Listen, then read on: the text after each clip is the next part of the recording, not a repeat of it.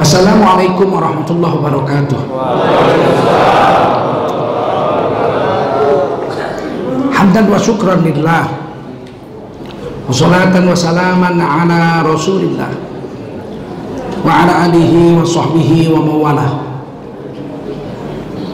Allahumma salli wa sallim ala hadha nabiyil karim. Sayyidina wa maulana Muhammadin wa ala alihi wa sahbihi ajma'in. Amma ba'du qala Allah Ta'ala fi kitabihil karim. أعوذ بالله من الشيطان الرجيم بسم الله الرحمن الرحيم وتعاونوا على البر والتقوى ولا تعاونوا على الإثم والعدوان wattaqullah. Innallaha syadidul iqab. Qala Rasulullah sallallahu alaihi wasallam man kharaja fi talabil ilmi fahuwa fi sabilillah hatta yarji. Baginda Rasul bersabda siapa keluar untuk mendapatkan ilmu orang itu adalah orang yang berjihad fi sabilillah sampai dia kembali ke tempatnya mudah-mudahan kita semua mendapatkan pahala jihad dari Allah Subhanahu wa taala. Amin. Sadaqallahul azim. Wa sadaqa rasuluhun nabiyul karim. Wa nahnu ala dhalika minasy syahidin wasyakirin walhamdulillahi rabbil alamin. Para ulama, tuan-tuan guru, para ustadz yang berhadir malam hari ini di masjid KPR 1 Masjid Nurul Islam. Udah selalu kemarin lupa namanya. Makin bagus masjid ini. Kubah baru ya enggak? 230 juta. Cantik kubahnya Masya Allah Bapak-bapak, ibu-ibu, jamaah sekalian yang dimuliakan Allah Subhanahu wa taala.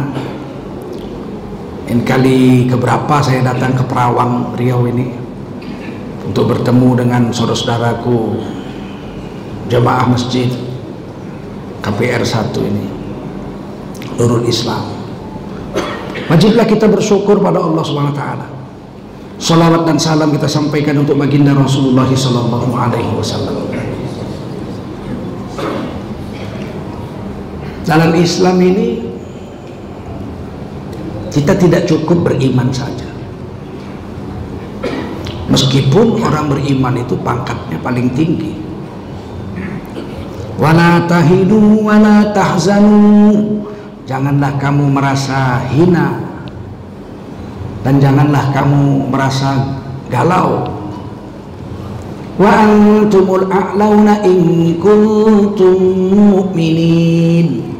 Derajatmu itu paling tinggi. A'launa paling tinggi a'la tinggi a'launa paling tinggi nih. Kamu a'la tinggi a'launa kamu semua orang beriman paling tinggi derajatnya. Ini isim tafsir. Tidak ada yang lebih tinggi derajat daripada orang beriman. Bahkan malaikat pun. Mereka itu bekerja untuk kita orang beriman. Malaikat Jibril antar wahyu kepada Nabi Muhammad. Untuk siapa wahyu itu? Hudal lil muttaqin, hudal lin nas. Untuk petunjuk bagi manusia. Malaikat Mikail bagi rezeki untuk manusia. Sehingga nggak mungkin rezeki itu salah alamat, itu nggak mungkin. Salah input, wow. Mana ada rezeki salah input. Yang kerja malaikat Mikail, bukan KPU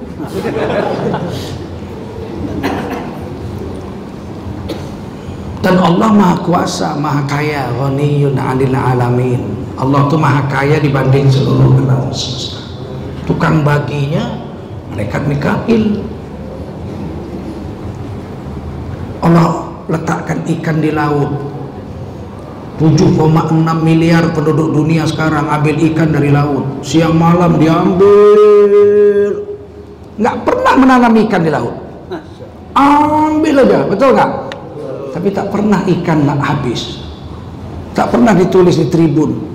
Saudara-saudara penduduk Riau mulai besok kita libur makan ikan karena karena laut bangkrut. Kita tunggu setahun biar ikan beranak lagi. Tak pernah. Padahal yang ngambil ikan itu 7,6 miliar. Setiap hari siang malam. Dan manusia itu ngambilnya rakusnya bukan main. Dari yang paling besar sebesar rumah paus diambil hiu yang sebesar mobil diambil. Karena rakusnya itu coba? Lumba-lumba yang sebesar sebesar Vespa diambil juga. Kongkol yang sebesar kaki orang dewasa diambil juga. Sampai teri diambil. Rakusnya lah manusia ya Allah. Diambil semua nggak pernah dikembalikan nggak pernah ditanam. Tapi laut tidak pernah habis ikannya. Wal ghani ya Allah maka yang menyediakannya. Dan yang membaginya malaikat Mikail kerja untuk kita.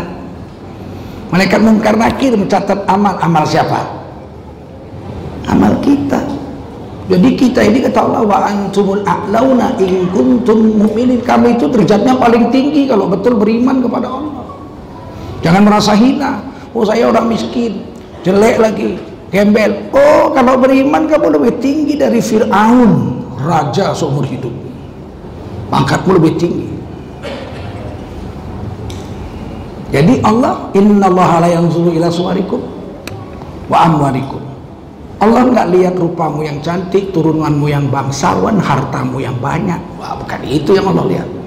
Walakin yanzuru ila qulubikum tapi Allah melihat hatimu ada iman atau tidak. Wa a'malikum amalmu itu sesuai dengan perintah Allah dan Rasul apa enggak? Itu aja yang Allah lihat. Apakah kamu mati kekenyangan atau kamu mati kelaparan? Tak dipandang Allah itu. Kamu mati dalam keadaan kaya atau mati keadaan miskin? Ah nggak dilihat Allah itu. Yang membedakan orang mulia atau orang hina di kubur di akhirat adalah dia beriman atau beramal soleh. Apakah dia kafir atau dia durhaka? Itu yang membedakannya. Dan orang yang sukses di dunia itu cuma satu nggak dua, nggak tiga, nggak empat, nggak lima, satu aja. Siapa orang sukses di dunia? Kata Allah, wa may yuti'illaha wa rasulahu faqad faza fawzan 'azima. Surah Al-Ahzab. Siapa yang seumur hidupnya bisa taat sama Allah sama Rasul, orang itu telah sukses. Telah sukses dengan, dengan kesuksesan yang agung, telah berjaya dengan kejayaan yang abadi yang besar telah berhasil dengan keberhasilan yang tinggi. Masya Allah. Beriman beramal soleh taat sama Allah sama Rasul. Dia sukses di akhirat. Mau peduli mau gembel mau orang kaya mau orang pintar mau orang bodoh. Cantik kah jelek kah bangsawan kah gembel nggak ada masalah. Asal dia beriman sama Allah seumur hidup sama Nabi dia mati sukses. Dan kesuksesan di akhirat rupanya cuma satu juga tak ada kesuksesan di akhirat. Dua tiga empat nggak ada. Di dunia kesuksesan cuma satu. Taat sama Allah sama Rasul. Habis. Di akhirat kesuksesan juga cuma satu. Faman nari wa udkhilal jannata faqad faz. Siapa yang di akhirat diselamatkan dari neraka dan dimasukkan ke surga orang itu telah sukses wa mal hayatud dunya illa mata'ul ghurur.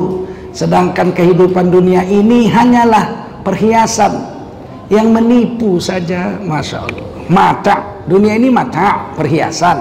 Tapi mata'ul ghurur perhiasan yang menipu. Kayaknya enak nggak enak. Kayaknya bahagia tak bahagia. Ada orang lo kaya kaya dia bahagia bilang orang kaya bahagia? Banyak orang kaya nggak bisa tidur. Minum obat tidur pun tak tidur. Malah orang miskin hidupnya senang banyak. Bahagia hidupnya dalam keadaan miskin. Ada suami istri miskin. Suaminya satpam, gajinya kurang untuk makan sebulan.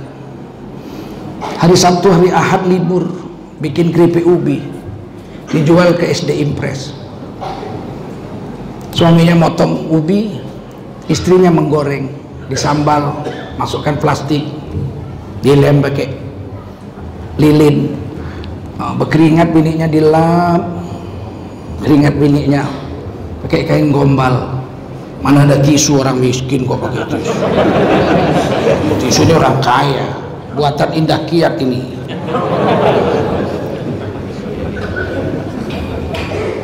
pun diletakkannya wajahnya ke ketiak suaminya itu. Nggak terasa dia bau suaminya bahagia kali.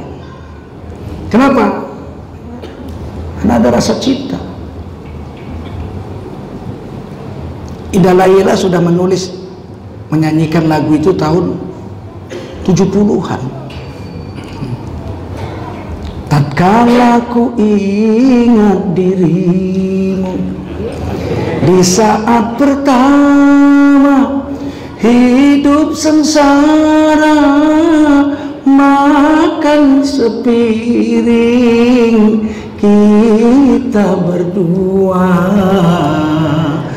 Tidur pun setikar bersama. Waduh.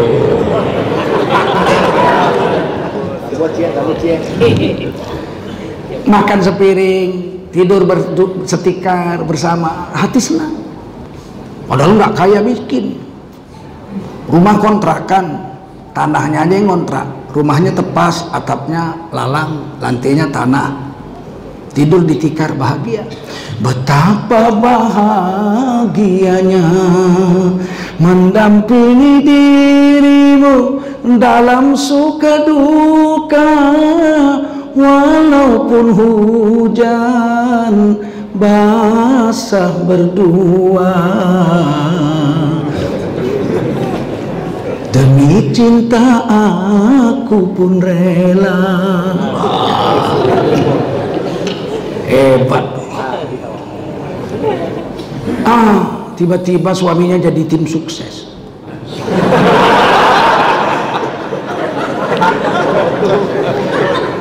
menang pula. Apa duit banyak Masya Allah. Berubah nasib. Kaya raya rumah besar. Mobil mewah Land Cruiser.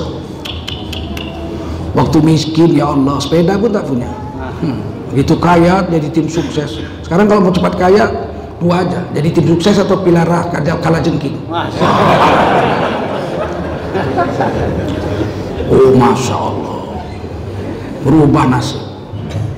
Dulu dia miskin hidup senang begitu kaya. Nggak pernah pulang lagi Sabtu Minggu. Sabtu Minggu tak pernah pulang. Dulu goreng keripik ubi berdua sekarang tak pernah pulang. Bininya telepon kering kering dilihat sama dia. Kopasus mama, mama bini di handphone tuh kopasus itu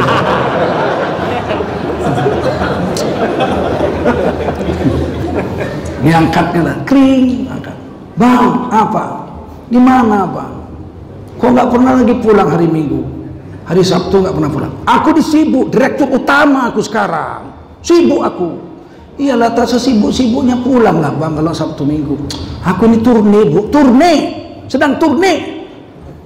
Kata istrinya, iyalah bang baik-baik turnenya ya bang. Ha, ya. Jangan telepon-telepon, mengganggu saja kau. Aku sedang turne.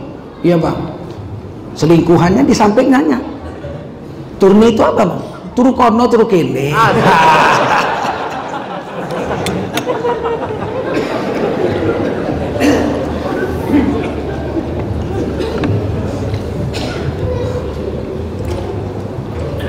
Waktu miskin, tenang hidupnya. Udah kaya, apa kata istri? Tiada kusangka, tiada kuduga berubah cinta. Setelah kau kaya. Betapa tega hatimu, oh kasih cintaku engkau khianati. Waktu miskin Masya Allah.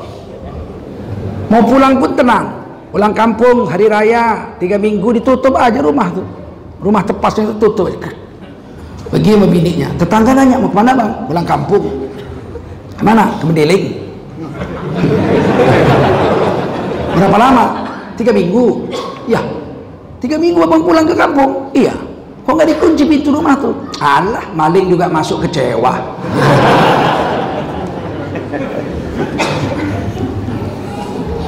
Kenapa bang? Ah, harta itu cuma tikar selembar itu pun sudah robek-robek, udah koyak-koyak. Piring cuma piring plastik satu, gelas plastik dua. Mau dicuri maling curilah. Gak ada beban dia tiga minggu pulang. Begitu kaya jadi tim sukses ya Allah. Dibelikannya emas bininya setengah kilo. Untuk kalung aja terjulur lidah tuh dipakai. Saking beratnya kalungnya itu. Pikir bahagia enggak. Malah susah. Terpaksa dibeli lemari dari kayu jati. Emasnya disimpan dalam kotak, kotaknya dimasukkan dalam laci. Emasnya dalam kotak, kotaknya dikunci. Kotaknya masukkan laci, lacinya dikunci. Lacinya dalam lemari, lemarinya dikunci. Lemarinya dalam kamar, kamarnya dikunci. Kamar dalam pagar, pagarnya dikunci mencuri datang. Nggak bisa masuk. Terbakar mati semua. Ah. dulu mau pergi pulang kampung tutup aja pintu. Tapi udah kaya ya Allah. Semua main kunci. Bisa tidur? Enggak pelihara satpam. Satpam tiap jam mukul lonceng. Ting jam satu. Ting ting jam dua. Ting ting ting jam tiga. Tidur nyenyak? Tidak. Dipukul satpam tuh ting bangun dia keluar Sini dong.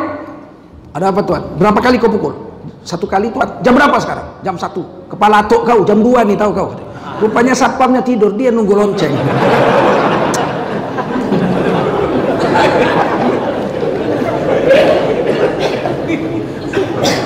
Jangan dipikir orang miskin hidup sengsara malah yang kaya tak bisa tidur. Oleh karena itulah Allah tidak letakkan kemuliaan pada harta, tidak meletakkan kemuliaan pada bentuk rupa, enggak, pangkat jabatan tidak. Allah letakkan kebahagiaan itu adalah pada iman dan amal soleh. Orang beriman dan beramal soleh seperti ikan yang dilepaskan ke kolam yang airnya jernih. Dia lari ke sana kemari. Hidupnya tenang dalam iman dan Islamnya, dalam agama dan amalnya. Sebaliknya orang-orang munafik hatinya gelisah, dibawa sholat gelisah, bawa jikir gelisah, dibawa baca Quran gelisah. Dia nggak senang dengan perbuatan baik itu nggak senang. Orang-orang munafik, orang-orang fasik, durhaka, orang apalagi orang-orang kafir dibawa ke agama nggak senang, benci dia. Dikit-dikit agama, dikit-dikit agama, dikit-dikit agama. Ini ke negara Islam, bung. Iya, macam negara setan aja dibikin senang dibawa agama. Hatinya rusak. Manusia ini di dalam hatinya diletakkan Allah nafsu. Nafsu itu pasti bertentangan dengan iman. Iman juga diletakkan Allah dalam hati. Kalau imannya naik nafsunya pasti turun. Kalau orang nafsunya naik, pasti imannya turun. Tak mungkin serentak. Aku ini, kalau nafsuku naik, ikut imanku naik. tak mungkin. Jangan mendongeng Kalau nafsu naik, pasti imanmu hilang. Kalau nafsu, imanmu naik, pasti nafsumu turun. Orang kalau lagi puasa, iman sedang naik. Betul nggak? Jam 3 sore, duduklah di kursi tamu tuh lemas. Lewat bininya pakai anduk. Dari kamar mandi, kicik-kicik ditengoknya Coba habis maghrib. Kalau orang puasa iman sedang naik. Nafsu sedang. Orang kalau umroh, pergi umroh, sampai Mekah dia nangis lihat Ka'bah. Oh iman sedang naik. Itu pasti dia lupa dengan maksiat. Tapi kalau nafsu sedang naik, iman pasti lupa. Orang kalau sudah nafsunya, nafsu syahwatnya aja lah muncul. Biniknya aja lupa dia. Lupa dia biniknya. Oh, nafsu serakahnya tuh timbul. Tak peduli, rajin sholat pun korupsi juga. Kena tangkap KPK. karena iman dengan nafsu itu bertentangan. Kalau iman naik nafsu turun. Kalau nafsu naik iman turun. Nah nafsu manusia ini di Quran banyak ditulis. Apalagi di hadis. Tapi saya mau buka tiga aja malam ini. Yang pertama nafsu yang paling rendah. Namanya nafsul ammaroh bisu ini ditulis dalam surah Yusuf. Nabi Yusuf itu paling ganteng sedunia setelah Nabi Adam. Setelah Nabi Adam dalam Qasasul Anbiya selama ini yang kita tahu yang paling ganteng Nabi Yusuf tidak. Nabi Muhammad ditanya ya Rasul siapa orang paling ganteng sedunia? Kami mendengar Nabi Yusuf paling ganteng. Kata Nabi lah karena Adam. Yang paling ganteng itu Nabi Adam karena Yusuf nisfu min Adam. Adalah Nabi Yusuf itu separuh gantengnya Nabi Adam. Bayangkan macam mana gantengnya Nabi Adam. Laqad khalaqnal insana fi ahsani taqwim. Allah jadikan Nabi Adam itu makhluk yang paling ganteng sedunia. Kulitnya merah jambu. Kulitnya merah jambu. Di kuku kita itu. Pijit kalau hitam keturunan monyet kalau merah jambu keturunan Nabi Adam bayangkan kayak begitu kulitnya pencet kukunya kukunya Nabi Adam itu gantengnya seberapa? Kata Nabi separuh kegantengan laki-laki sedunia dijadikan satu untuk Nabi Adam sendiri. Separuh kegantengan laki-laki sedunia dijadikan satu untuk Nabi Adam sendiri. Ini kalau bini kita jumpa Nabi Adam pingsan lah. Begitu kan. Sedangkan nengok Nabi Yusuf aja orang memotong tangannya putus. Nabi Yusuf separuh Nabi Adam. Jadi kalau separuh dunia seganteng itu satu untuk Nabi Adam, Nabi Yusuf separuhnya berarti seperempat untuk Nabi Yusuf. Seperempat ganteng laki-laki sedunia jadikan satu untuk Nabi Yusuf sendiri. Makanya Siti Zulaikha kepincut istri Kitfir Raja Mesir itu Nabi Yusuf dibuang saudara-saudaranya. Satu bapak lain ibu anak Nabi Yakub sepuluh anak Laya istri pertama. Dua anak istri kedua Rohil. Bukan rokan hilir bukan. Rohil hak kecil. Orang Yahudi menyebutnya Rachel. Apa? Rachel. Rachel punya anak dua Nabi Yusuf dengan Benyamin. Rachel dengan Laya saudara kandung kakak beradik dikawini oleh Nabi Yakub dua-duanya. Dulu boleh. Dulu boleh. Kakaknya dikawini adiknya dikawini zaman itu boleh. Sekarang tak boleh. Kadang kalau udah sama kakaknya jangan sama adiknya. Kecuali kakaknya mati baru diambil adiknya. Namanya tukar tikar. Nah, kalau orang Medan bilang tukar ganti tikar. Kalau orang Betawi bilang turun ranjang. Dari ranjang kakaknya ke ranjang adiknya. Kalau di sini apa namanya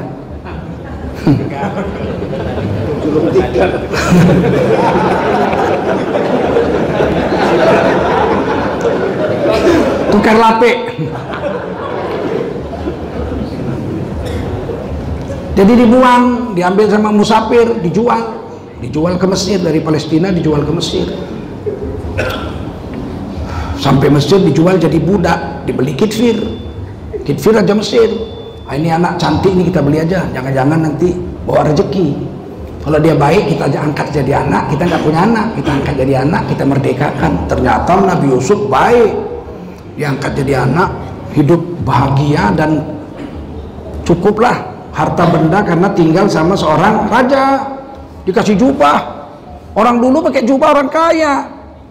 Sedangkan Raja Majapahit aja zaman itu belum pakai baju masih pakai sarung aja. Raja Majapahit. Apalagi perawang waktu itu kurasa belum pakai cawat pun belum. Ya Allah. Tinggallah Zulaikha Kitfir dengan Nabi Yusuf Serumah. Gantengnya seperti itu Kepincut. Satu hari Nabi Yusuf udah remaja Disuruh masuk kamar Dikunci pintu sama kamar. Kunci pintu, kunci jendela. Diajak zina nih Nabi Yusuf sama Zulaikha ini. Nabi Yusuf mau Nafsunya. Nafsunya mau nafsul ammarah bisu. Nafsu bejat yang memang maunya baik maunya jahat aja. Bisu maunya dengan kejahatan. Tapi Nabi Yusuf tuh punya burhan. Diletakkan Allah di hatinya burhan. Burhan itu bukan buruh hantu. Burhan itu cahaya yang bisa membedakan yang hak dengan yang batin. Akal Nabi Yusuf itu main, burhannya main. Aku dulu diculik apa dibuang saudaraku, dibeli orang, dijual di pasar Mesir, dibeli sama Kitfir, dipelihara sama Zulaikha sama Kitfir, dibebaskan dari budak, dijadikan anak angkat, dikasih jubah bagus, tinggal di istana. Kan nggak pantas aku menzinahi suami apa istri daripada kitfir yang sudah baik begitu kepada aku. Ah menolak. Nggak mau tapi namanya perempuan kalau udah mau ngeri juga. Maka kalian jangan pancing-pancing perempuan kalian SMS SMS sudah mau dia tak aktif lagi HP kalian jangan main-main perempuan tuh nafsunya sembilan. Kalau udah mau dia hmm, terbukti di Quran. Nabi Yusuf nggak mau ngelak lari. Ditarik jubahnya robek sebelah belakang.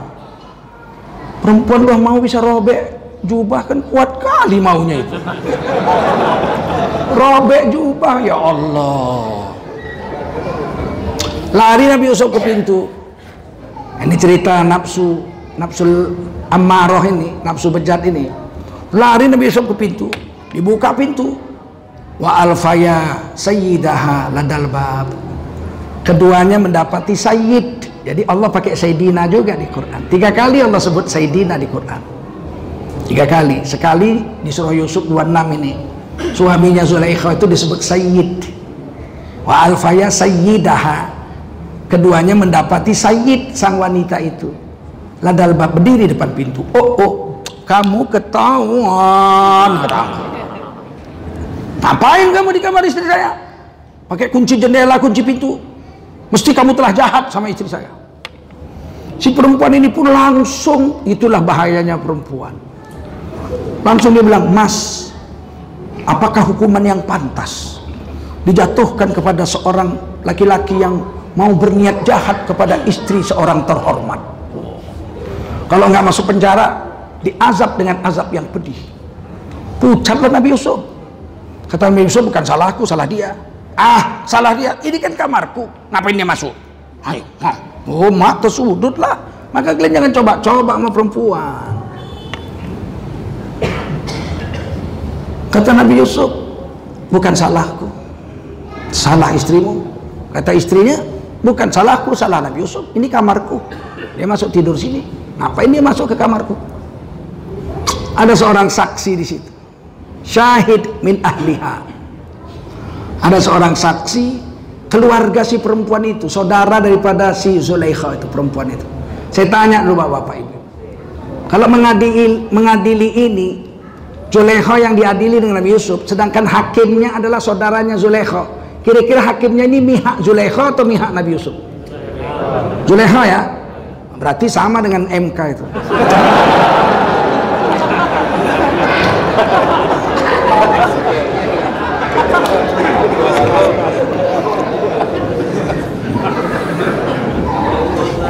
Ternyata syahid ini tidak berpihak kepada Zulaikha dan tidak berpihak kepada Nabi Yusuf tapi berpihak kepada kebenaran. Itulah yang ditempuh oleh ulama-ulama 212 menempuh jalan yang benar. Bukan berpihak kepada sana bukan berpihak sini tapi berpihak kepada kebe kebenaran. Apa kata syahid itu? In kana qamisuhu qudda min kubul apabila jubah Nabi Yusuf itu robek sebelah depan fasodakot istrimu jujur betul wahuwa minal kadhibin Nabi Yusuf pendusta wa inkana qamisuhu qudda dubur tapi kalau jubah Nabi Yusuf robeknya sebelah belakang ini berarti membuktikan Nabi Yusuf pakai jubah, komis, pakai gamis. Kalau pakai cawat kan pasti dibilang cawat di situ. Atau pakai batik pasti dibilang batik, ya enggak? Komis. Nabi Yusuf itu bukan orang Arab, orang Mesir, Bani Israel yang generasi pertama. Anak Nabi Yakub, Yakub itu digelar Israel, orang yang berjalan malam karena dikejar-kejar saudaranya mau dibunuh. Kalau malam dia jalan ke tempat pamannya, pindah tapi kalau siang dia sembunyi, maka disebut Israel, orang yang berjalan malam. anaknya 12 disebut Bani Israel. 12 itu termasuk Nabi Yusuf ini. Kalau jubahnya robek sebelah belakang fakar rapat istrimu dusta.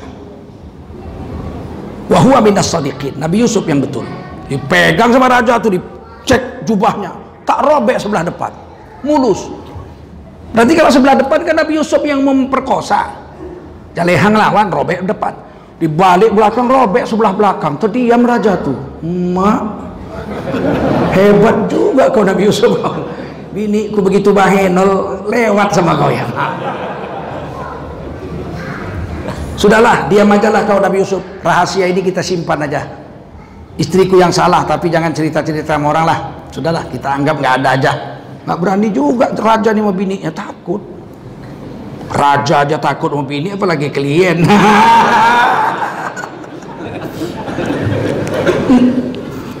Karena bini ini wanita tercantik semesir.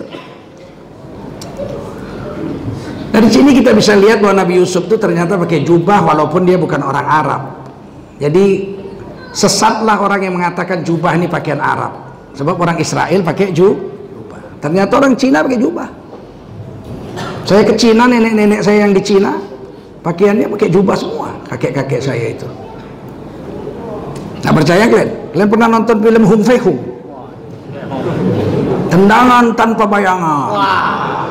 Macam mana coba? Ceng ceng ceng ceng ceng ceng ceng. Pakai jubah apa pakai jas? Berarti kalau ada orang bilang jubah ini pakaian Arab, terlalu banyak makan micin itu. Perlu ngaji lagi ya enggak? Ku garuk nanti kepala. Enak aja bilang jubah pakaian Arab. Ini pakaian Rasulullah. Rasulullah memilih jubah. Meskipun banyak baju zaman itu. Kan orang ke Mekah naik haji, betul nggak? Sejak zaman Nabi Ibrahim, orang India, guru Nana, itu nabinya orang Sikh, itu naik haji empat kali seumur hidupnya ke Mekah. Orang Yahudi naik haji bersama Nabi Musa. Tinggal Badi Quraidah dengan Badi Nadir di Madinah sekarang pulang naik haji. Orang Ethiopia naik haji. Orang Yaman naik haji. Orang Romawi naik haji. Mereka naik haji, semua orang Parsi naik haji. Tentulah Orang Mekah sudah lihat banyak model baju, ya enggak? Orang Ethiopia pasti pakai baju Ethiopia. Orang Romawi pasti datang ke Mekah pakai baju Romawi. Orang Yaman pakai baju Yaman. Setuju? Setuju? Ah, semua pakai bajunya masing-masing. Dari sekian banyak baju, ahab karena ahab siyab ila Rasulillah sallallahu alaihi wasallam al-qamis. Dari sekian banyak pakaian-pakaian yang ada zaman itu, maka yang paling dicintai Nabi adalah gamis, jubah yang paling dicintai Nabi. Nabi pakai. Padahal ada pakaian lain. Dalam sejarah azan, Umar bin Khattab itu pakai baju NU. Pakai baju Nahdlatul Ulama. Ah bapak cuman Nahdlatul Ulama baru diri tahun 1926 Pak. Iya tapi bajunya udah ada zaman Umar bin Khattab pakai itu. Apa baju NU? Sarung, baju, peci. Ya enggak? Umar bin Khattab pakai itu, pakai sarung, izar, uh, pakai uh, uh, ridah, pakai peci. Ketika di, beliau bekejar-kejar mau memberitahu mimpinya tentang azan, karena Rasul mau memanggil orang sholat berjemaah, sahabat sahabat menyusul mengusulkan untuk ditiup tanduk. Kata Nabi aku nggak suka kayak orang Yahudi. Kalau nggak kita pukul lonceng, dong dang dong deng, ah malas kayak orang Nasrani. Kalau gitu kita bakar api kayak orang Majusi. Udah tangguh dulu musyawarah ini. Malamnya Umar bin Khattab mimpi. Ada malaikat mengajari azan. Allahu Akbar Allahu Akbar Allahu Akbar Allahu Akbar. Asyhadu an la ilaha illallah. Abdullah bin Zaid radhiyallahu juga mimpi. Ada malaikat mengajari seruan azan. Malaikat itu dalam mimpinya bawa canang terbuat dari perak. Ceng ceng. Kayak film kungfu itu ceng li xiao le pa li chen li chen ceng ceng begitu Kata Abdullah bin Zaid, saya mau beli ini lonceng bagus nih apa? Apa kalau kalau kita bilang canang bukan lonceng. Kalau lonceng gereja tong tang tong tang ini cang cang dipukul. Untuk apa? Kata orang yang di dalam mimpi itu. Ku beli untuk bikin dipakai Rasul manggil orang sholat. Ah, ada yang lebih baik mau kau ajari? Mau. Diajarilah Allahu Akbar, Allahu Akbar azan.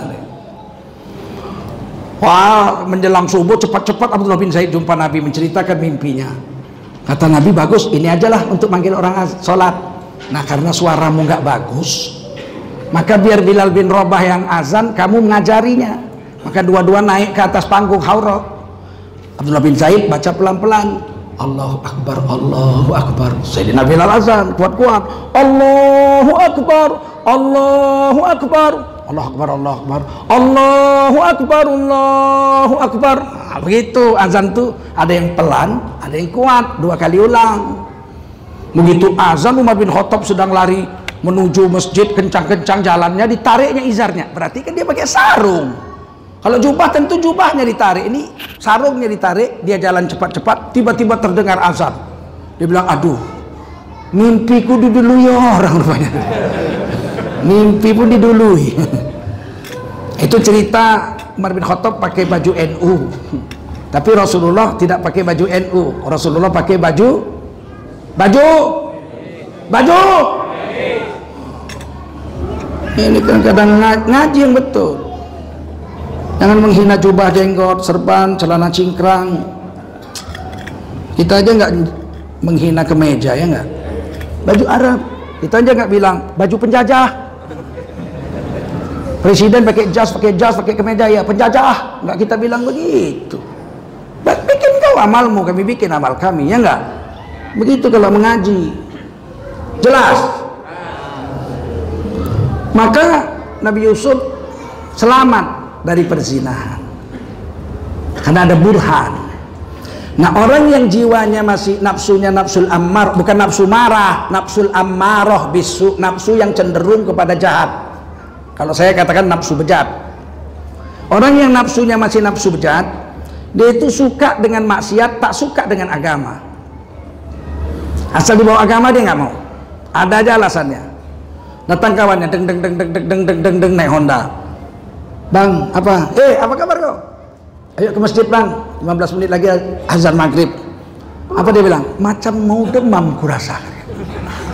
Gak enak badanku dari tadi siang. Macam mau demam kurasa. Kau duluan lah. Berangkatlah si Udin tadi. Nggak lama datang kawannya lagi. Deng deng deng deng deng deng. Bang apa? Ayo kita ke siak bang. Loh ada apa? Ada joget bang. Oh penyanyinya bang. Macam ulat bulu disiram bensin. Oh sebentar sebentar sebentar. Hilang demamnya ini nafsu memang nafsu, mas, masih nafsu amaro nafsu amaro itu mesti dipaksa untuk taat dipaksa untuk taat, dipaksa sholat, dipaksa jikir, dipaksa umroh, dipaksa sedekah, dipaksa baca Quran, dipaksa ngaji. Kita paksa. Kita yang bisa memaksa, orang lain tidak bisa. Paksa. Nanti turun dia lagi setingkat. Nafsunya menjadi nafsul lawamah, ditulis dalam surah Al-Qiyamah. Nafsul lawamah adalah nafsu yang menyesali diri. Artinya begini, kalau orang yang sudah turun nafsunya dari nafsu amaro, nafsu amaro bisu menjadi nafsu lawama, itu dia sudah tidak mau berbuat jahat. Sholat udah senang, zikir udah senang, baca Quran udah senang, sedekah udah senang, umroh udah senang, taklim udah senang, maksiat udah nggak senang. Tapi sekali-sekali keliru, silap juga. Udah tiga tahun nggak mabuk, tiba-tiba jumpa kawan lama, Den apa kabar? Eh kau kliwon, oh oh ini ngapain kalian ini kumpul-kumpul semua sahabat lama nih? Biasa reuni, reuni. Ingat kalian dulu waktu kita minum tua di sini. Ya. Terdiam si Jainuddin ya enggak? Kata Jainuddin aku udah tiga tahun nggak mabuk. Alas malam ini demi persahabatan kita mainkan tua ini. Ini tua asli nggak campur beras ini. mainkan. Akhirnya lama-lama lama-lama diminumnya juga tua itu. Mabuk dia. Sampai di rumah dia menyesal nangis dia. Ya Allah. Sudah tiga tahun aku nggak mabuk. Malam ini aku mabuk gara-gara kawan-kawan. Alangkah sialnya hariku hari ini hidupku. Nangis dia menyesal dia. Tobat dia jikir dia istighfar dia. Ini nafsunya sudah lawama. Kalau nafsul ammarah dia habis berbuat jahat dia bangga dia ceritakan sama orang. Orang yang nafsunya masih ammarah bejat dia kalau berbuat dosa besok dia ceritakan sama orang dengan bangga. Hebat. Kenapa? Uh di baru ada barang baru. Sampai kubuh. Paten macam gitar listrik. Berzina dia ceritakan dia berzina. Bangga dia. Main judi dia menang main judi dia bangga dia ceritakan sama orang korupsi dia cerita dia sama orang aku ini. Golongan duanya. Gajiku itu cuma dua juta setengah. Kecil. Tapi sabetannya itu yang besar. Apalagi sempit main. Oh itu lebih banyak lah. Bangga kali dia mencuri. Nafsunya masih nafsu. Bejat nafsu amarah. Tapi satu hari kalau dipaksa beriman, beramal, beriman, beramal terus satu hari turun jadi nafsul lawamah. Nafsul lawamah ini kalau dipaksa terus beramal soleh, satu hari nanti dia turun lagi menjadi nafsul mutmainnah. Nafsul mutmainnah nafsu yang sudah tenang. Tak mau lagi yang selain agama nggak mau. Makan aja mau makan dia ukurannya agama. Nah, kita mau seperti itu. Tiga hari dia hilang di hutan Jalan kaki keluar dari hutan, jumpa kampung. Dibawa orang kampung ke rumah kepala desa. Saudara orang mana? Saya orang Jakarta, Pak. Dari mana? Dari hutan. Kok dari hutan? Kapal terbang jatuh, Pak. Satu kapal terbang mati semua, aku aja hidup. Udah tiga hari aku, Pak, sesat. Belum makan? Belum. Katanya, sediakan makan. Kata kepala desa. Sediakan makan, dikasih minum. Ini nasi. Satu piring. Ini mangkok. Ada kari Mak semangat lah dia makan ya nggak? Ini kari pak? Iya. Kari apa ini? Kari anjing.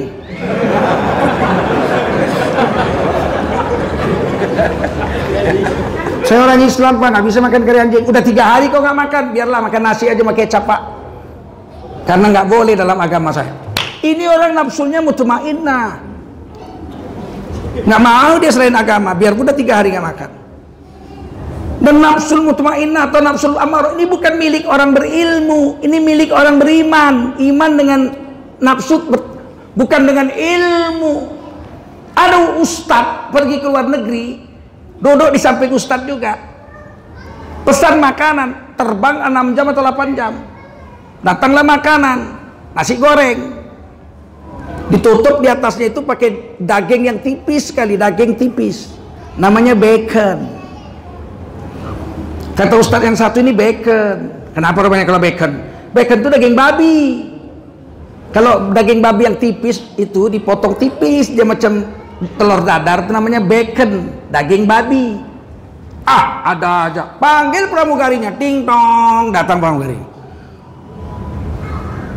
Anything I can help? Ada yang bisa saya bantu? Just wanna ask you, what is this? Apa ini kata Ustadz yang satu lagi? Bacon. What is bacon?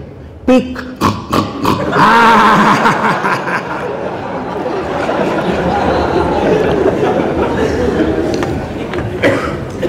This is pork.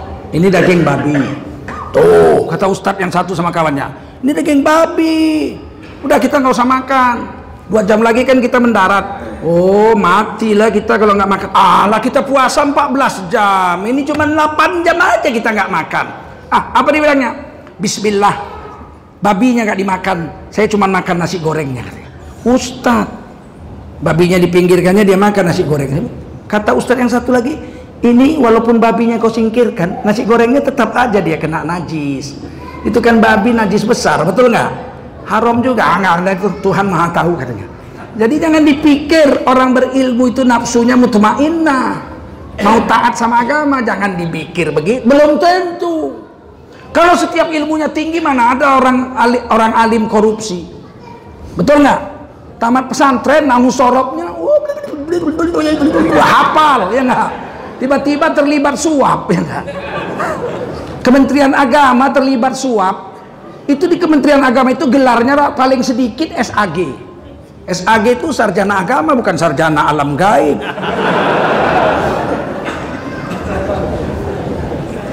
Jadi nafsu ini bukan tergantung iman, apa bukan tergantung ilmu, dia tergantung dengan i, iman. Makin kokoh iman, makin rendah nafsu. Makin naik nafsu, makin rendah iman. Begitu. Jadi tahu saya heran kalau ada orang alim korupsi, nggak usah heran. Hafal Quran berzina biasa aja. Karena dia tergantung pada iman, mau taat atau tidak tergantung dengan iman. Mau jahat atau ngelawan Allah tergantung dengan naf, nafsu. Kalau sudah mutmainnah nggak mau yang lain, maunya cuma agama, pakai baju. Allah ridho nggak saya pakai baju ini? Main bola kaki pakai celana pendek, nampak paha, nggak mau aku.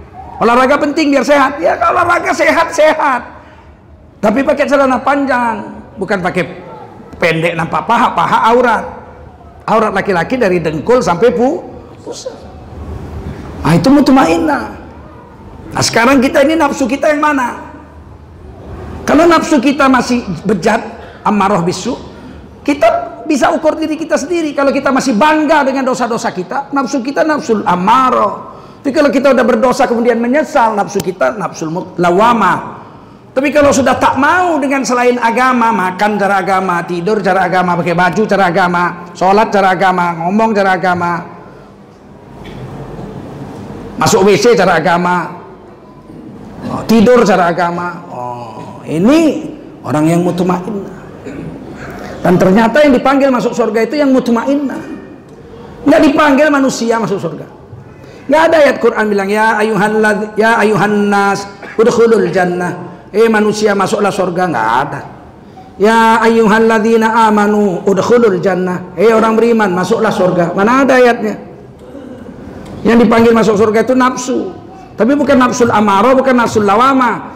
Ya ayyatuhan nafsul mutmainnah turji'i irji'i ila rabbiki radiyatan mardiyah fadkhuli fi ibadi wadkhuli jannati wahai nafsu yang mutmainnah nafsu yang sudah tenang tak goyang dengan selain agama.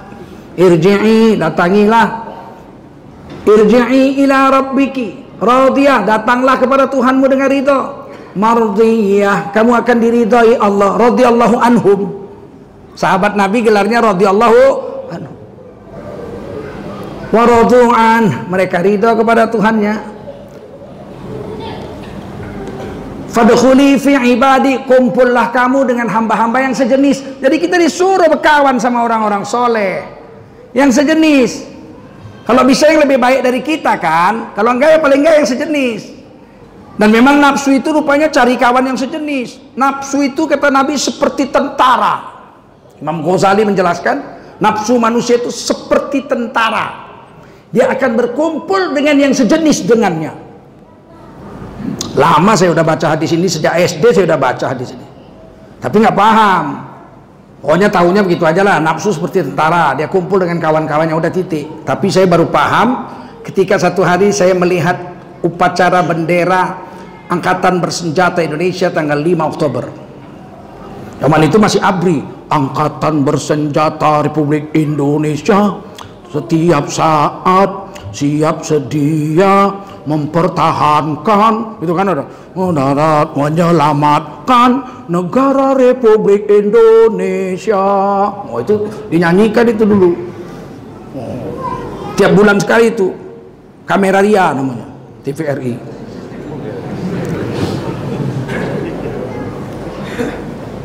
dari mana-mana datang. Dari Jabotabek datang dari Bogor dari Tangerang dari pasar minggu dari Senin tentara-tentara itu datang ke lapangan Cilangkap itu Mabes Pol, Mabes Abri waktu itu namanya.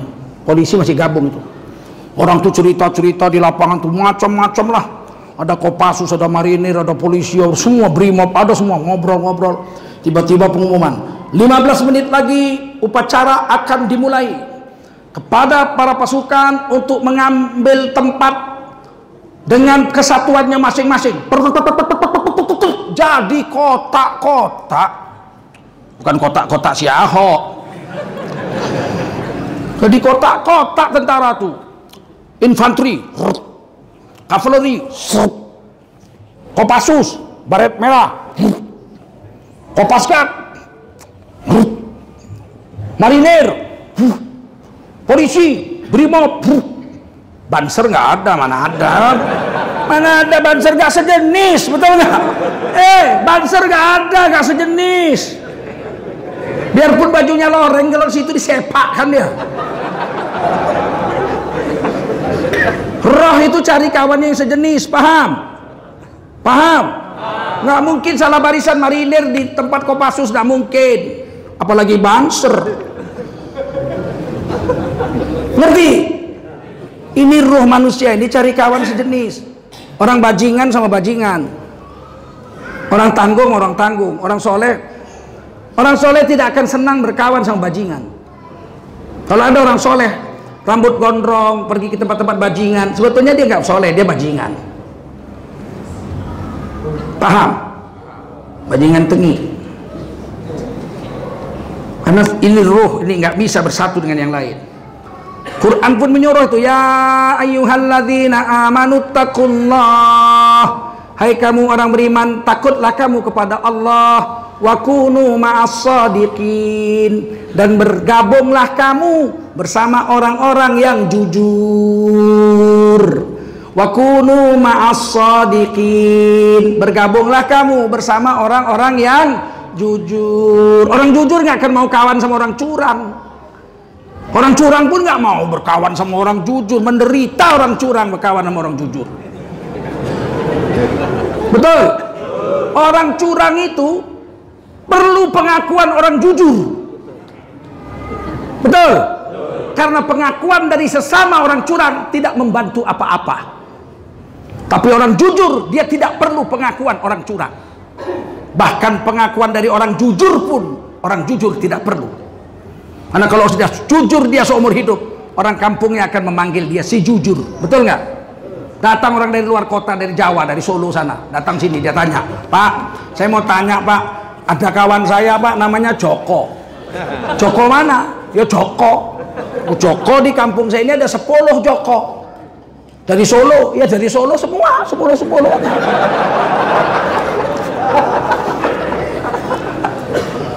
Kata kawan ini, Joko itu kawan saya SMP pak. Kerjanya noko aja. Nipu oh yang itu sudusan yang kurus yang badannya kurus pak. Dari sini belok sana jumpa sana pak.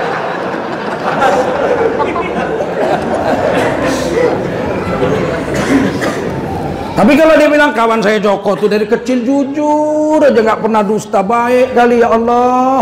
Oh Joko yang jujur. Ya kalau itu belok kanan pak sudut sana. Dia orangnya gemuk putih pak. Ha.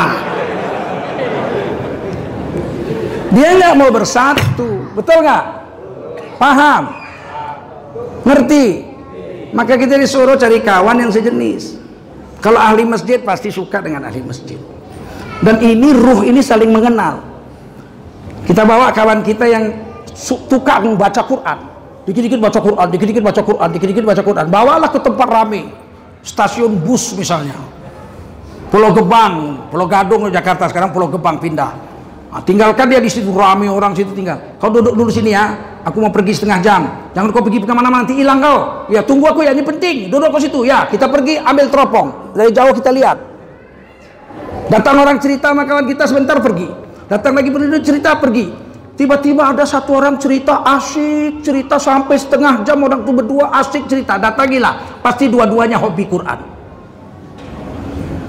Cocok dia.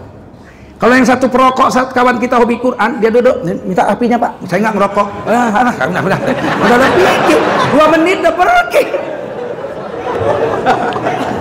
Paham? Kalau kawan kita itu perokok, tinggalkan satu tempat, pergilah jauh, teropong. Datang orang pergi, datang orang pergi.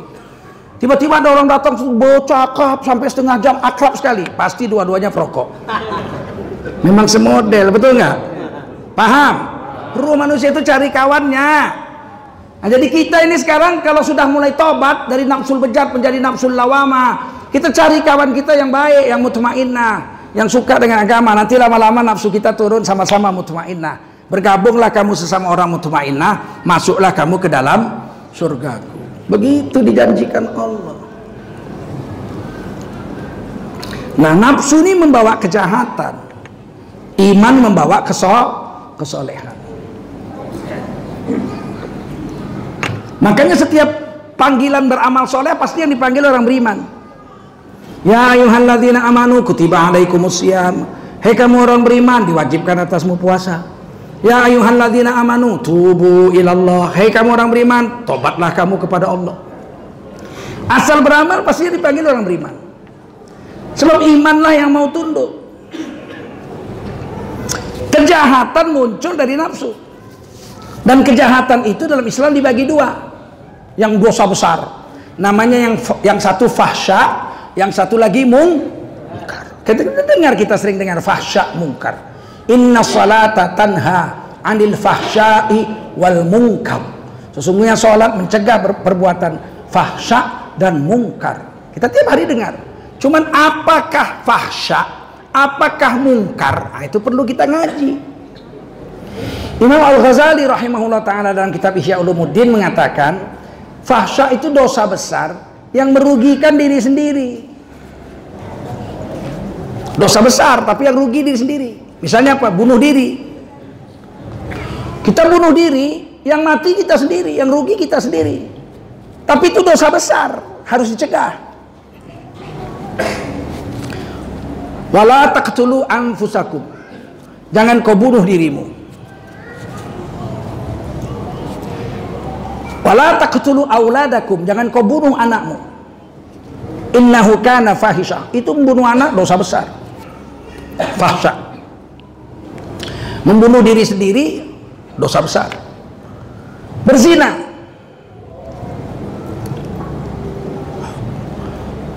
Membunuh anak tidak itu ayat. Wala taqtulu anfusakum khasyata imlaq. Jangan kau bunuh anakmu karena kau takut miskin. Kalau bunuh diri La tulku anfusakum ila tahlukah. Jangan kau jatuhkan dirimu ke dalam kecelakaan. Itu ayatnya. Kalau fahsya dosa yang kedua adalah zina. Zina suka sama suka itu fahsya. Wala taqrabuz zina innahu kana fahisyah. Jangan kau dekati zina, zina itu perbuatan fahsya wasa asabila dan sejelek-jeleknya jalan. Fahsya. Bunuh diri fahsya. Berzina suka sama suka fahsya. Ngisap narkoba. Ngisap narkoba fahsya. Duit-duit saya. Narkoba saya yang beli. Saya isap sendiri di kamar. Yang mabuk saya yang mati saya. Nggak merugikan orang. Iya tapi fahsya Paham? Mungkar dosa besar yang merugikan orang. Membunuh orang mungkar. Bunuh diri fahsya, membunuh orang mungkar. Dosanya kalau membunuh orang faka'an nama qatalan nasa jami'a dalam surah Ali uh, surah Al-Maidah dikatakan 32 ayat 32 siapa membunuh orang nggak dengan tanpa hak tidak melalui pengadilan dan orang itu tidak orang yang berbuat fahsya membuat fasad, kerusakan. Dibunuhnya orang gara-gara senggolan di jalan gara-gara lirik-lirikan tikam, gara-gara joget dangdut tikam mati. Dosanya seperti membunuh 7,6 miliar manusia. Membunuh satu nyawa dengan sengaja tanpa hak seperti membunuh orang seluruh dunia. Sekarang 7,6 miliar orang sedunia. Itu perbuatan mungkar. Membunuh mungkar. Bunuh diri fahsya. Jual narkoba mungkar ngisap narkoba fahsya yang rusak diri sendiri. Tapi menjual narkoba dia merusak orang. Mungkar apa enggak? Hukumannya hukuman mati. Cuman yang menjatuhkan hukuman harus negara. Dulu Pak Jokowi baru jadi presiden jumpa dengan Majelis Ulama Indonesia. Waktu itu beliau pidato. Saya komitmen saya adalah membunuh hukuman mati bagi pengedar narkoba Sebab satu hari orang Indonesia itu 50 orang mati sehari gara-gara narkoba. Setahun 360 kali 5. Ya Allah, saya sampai nangis saya waktu itu. Ya Allah, ini presiden mesti saya bela. Kenapa? Karena mau membunuh orang-orang yang berbuat mungkar jual narkoba. eh baru tiga dihukum mati protes sedunia hilang terus nggak jadi. Maka aku nggak dukung dia lagi. Itulah sebab tak kudukung lagi.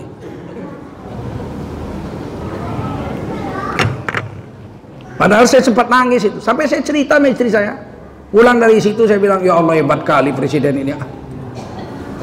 Dia janji akan membunuh orang-orang yang mengedarkan narkoba, penyelundup narkoba, orang-orang yang membuat pabrik narkoba akan dihukum mati. Uh, ya Allah, selamatlah anak cucu kita nanti nangis saya. Istri saya pun nangis. Baru tiga dihukum mati ribut sedunia udah nggak jadi. Maka jangan banyak kali kalian berjanji. Janji, janji, janji. Mana janjimu? Jem, cem cem cem cem dusta selalu cem cem cem cem cem aku tak mau lagi dengan dustamu yang kau ulang-ulang Aku tertipu. Cem cem cem cem cem. Bujuk rayumu. Cem cem cem cem cem. Takkan percaya lagi dengan janjimu yang penuh dusta. Sedang keledai pun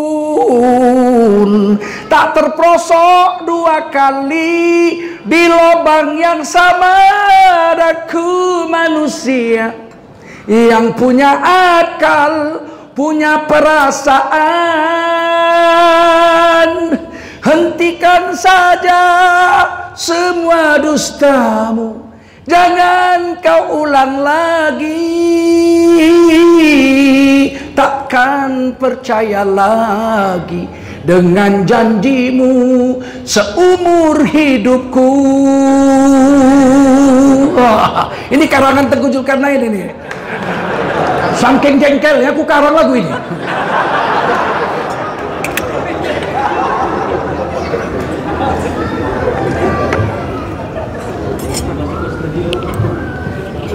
Fasya dosa besar yang merugikan diri sen mungkar dosa besar yang merugikan orang. Nah, kita itu di dalam Islam itu disuruh mencegah yang dua ini. Jangan kita buat yang dua ini. Ini muncul dari nafsu yang bejat. Kalau fahsya, kita minta ampunnya sama Allah. Kan nggak merugikan orang. Kita beli narkoba, kita mabuk, minum tua, mabuk 10 tahun. Habis itu kita tobat, cukup tobatnya sama Allah selesai. Nggak sangkut sama orang betul nggak? Ada sangkut dengan orang dia sendiri. Cukup tobatnya sama Allah. Berzina suka sama suka. Cukup minta ampun sama Allah. Meminta ampun sama Allah Allah ampuni beres. Ada kisah Bani Israel. Seorang pelacur Bani Israel. Dia beriman sama Allah. Bani Israel. Beriman sama Nabi Musa. Nabi Musa ada kitabnya Taurat. Namanya Bani Israel. Nabi Muhammad belum lahir tapi hadis ini yang cerita Nabi Muhammad hadis Bukhari. Wanita pelacur Bani Israel dia menjual dirinya untuk cari makan. Satu hari dia tersesat di padang pasir hampir mati kehausan. Udah kering badannya pecah-pecah kulitnya. Kering tenggorokannya. Udah hampir mati lemas. Tiba-tiba jumpa sumur. Dibukanya khufnya. Khuf itu sepatu yang tidak ada solnya nggak ada tapaknya. Dia sepatu seperti kaos kaki. Letaknya di dalam dalam sepatu juga. Jadi kayak kaos kaki lah dia sepatu bot kayak kaos kaki. Namanya khuf. Kalau kita musafir kita wudhu sempurna pakai khuf. Nanti wudhu-wudhu yang berikutnya selama tiga hari musafir cukup dihapus atasnya aja sepatunya aja yang dicuci. Namanya menyapu muza atau khuf. Ditimbalnya lah air pakai sepatu khufnya itu dirobek-robeknya selendangnya bikinnya timba sampai dalam kan sumur di padang pasir dalam. Dia timba dia minum dari sepatunya itu sampai kenyang. Setelah kenyang dia pakai khufnya dia pakai sepatunya dia jalan. Tiba-tiba nggak jauh dari tempat sumur itu ada anjing. Hampir mati kehausan. Anjing itu sudah sakaratul maut. Dan nggak bisa duduk pun. Ditengok sama perempuan tadi. Aduh kasihan Aku tadi hampir mati masih bisa jalan. Ini anjing duduk pun nggak bisa lagi. Kesian. Digendongnya anjing itu padahal binatang najis. Digendongnya anjing tadi dibawanya. Bani Israel kalau bajunya dijilat anjing nggak bisa dicuci harus potong. Bani Israel tidak ada cuci-cuci. Nah, tidak ada. Jadi kalau bagi Israel itu kalau bajunya dijilat anjing tangannya ini potong tangan bajunya ini, digunting buang. Kalau kita di cuci tujuh kali satu kali dengan air tanah campuran satu kali enam kali dengan air ber bersih. Itu bedanya Bani Israel. Anjing binatang najis ini wanita beriman sama Taurat beriman sama Nabi Musa beriman sama Allah. Cuman dia fasik durhaka dia pelacur. Digendongnya anjing tadi. Karena kasih sayang di hatinya kesian. Aku tadi menderita setengah mati masih bisa jalan. Anjing ini pasti lebih menderita dari aku. Dikasihnya minum ditimbanya lagi air pakai khufnya diminumkannya ke anjing itu sampai anjing itu bisa jalan dan pergi. Anjing itu tidak jadi mati perempuan ini pun pergi berpisah. Di hari kiamat kata Rasulullah ditimbang amal. Perempuan itu orang beriman ditimbang amal. Tapi lebih banyak dosanya. Wa amma man khaffat mawazinuhu fa ummuhu hawiyah. Wa ma adraka mahiyah narun hawiyah. Ditimbang amal lebih banyak dosa orang pelacur. Maka kata malaikat kau setelah ditimbang lebih banyak dosa dari pahala masuk neraka saat itulah seekor anjing menggonggong di padang mahsyar kata Rasulullah SAW dalam hadis Riyadus Salihin di padang mahsyar itu binatang pun diadili manusia diadili binatang diadili orang kafir nggak diadili Orang kafir langsung dikumpul masuk neraka semua. Wasiqal ladzina kafaru ila jahannama zumaro. Orang kafir kumpul masuk neraka semua. Enggak di enggak dia yang diadili orang beriman. Kalau orang bertakwa nggak diadili. Wasiqal ladzina taqaw rabbahum ilal jannati zumaro. Orang bertakwa masuk surga nggak diperiksa-periksa. Kafir masuk neraka nggak diperiksa. Tinggal yang beriman yang berdosa ditimbang. Masuk neraka. Tiba-tiba seekor anjing Kata Nabi di akhirat anjing pun diadili, kambing diadili. Ada dalam kitab Riyadus Salihin ada hadis sahih mengatakan seekor kambing bertandukan sama kawannya. Kambing hitam badannya besar, tanduknya panjang. Kambing putih badannya kecil, tanduknya pendek. Ditanduk kambing hitam, kambing putih. Puk, nggak berani membalas kambing putih. Karena dia kecil.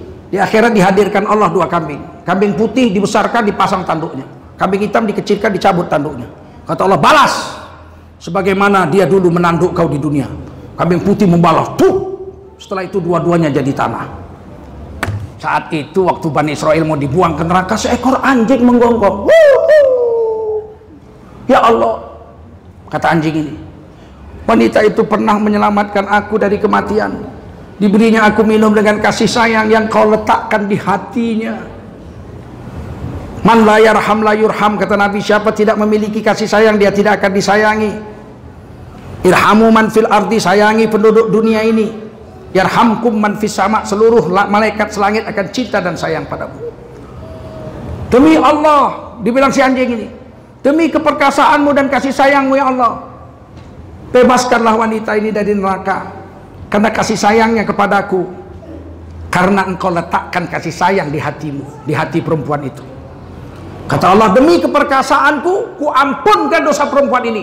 Masuklah ke surga masuk surga pelacur fahsya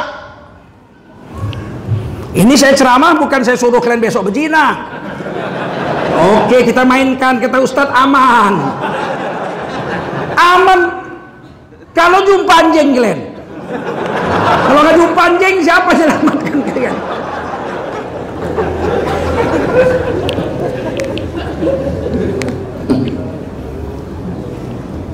Tapi ada dosa yang tidak diampuni Allah. Karena menyangkut manusia yaitu mungkar.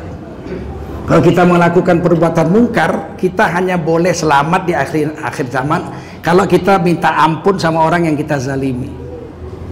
Kita membunuh orang, kalau dia nggak serela, semua pahala kita diambilnya. Semua dosa kita, dosa dia kita ambil. Mana selamat kita di akhirat? Makanya kata Nabi, ar-rashi wal murtashi finnar tukang suap dan penerima suap dua-duanya dalam neraka nggak ada cerita ditimbang-timbang tukang suap sama yang terima suap dua-duanya dalam neraka karena dengan suapnya itu dia menzalimi orang lain betul nggak aturan orang lain dapat jabatan karena dia nyuap dia yang dapat jabatan orang seumur hidup ter, ter, ter, teraniaya gimana dia mau bisa masuk surga menganiaya orang, mungkar. Maka kata Allah, kata Rasul, ar-rashi wal murtashi finar. Orang yang terima suap dan menyuap dua-duanya dalam neraka. Tidak akan ada anjing yang menyelamatkan tukang suap dan orang yang menerima suap. Paham? Ngerti?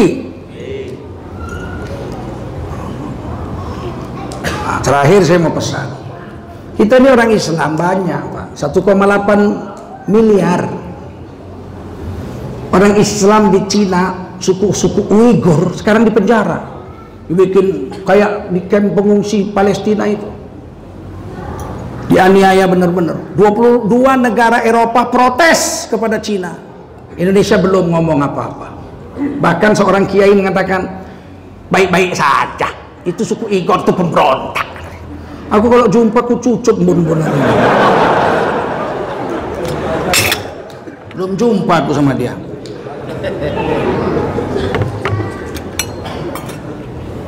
Padahal pembukaan Undang Dasar 45 mengatakan kita ini turut aktif menciptakan perdamaian du pembukaan Undang Dasar 45 itu apa? Kemerdekaan adalah hak segala bangsa dan oleh karena itu penjajahan di atas dunia harus dihapuskan karena tidak sesuai dengan pri kemanusiaan dan pri keadilan. Masa nggak apal itu? Harus dibebaskan. Cara membebaskannya orang Islam bisa. Perang nggak mungkin, tapi jangan beli barang Cina. Handphonenya jangan beli, sepeda motornya jangan asal buatan Cina jangan mau. Jadi kalau kalau perempuan Cina boleh dinikahi boleh kalau dia masuk Islam ya kan. Ibu saya Cina, barang Cina juga, tapi ibu saya bukan barang. Asal barang buatan Cina jangan beli.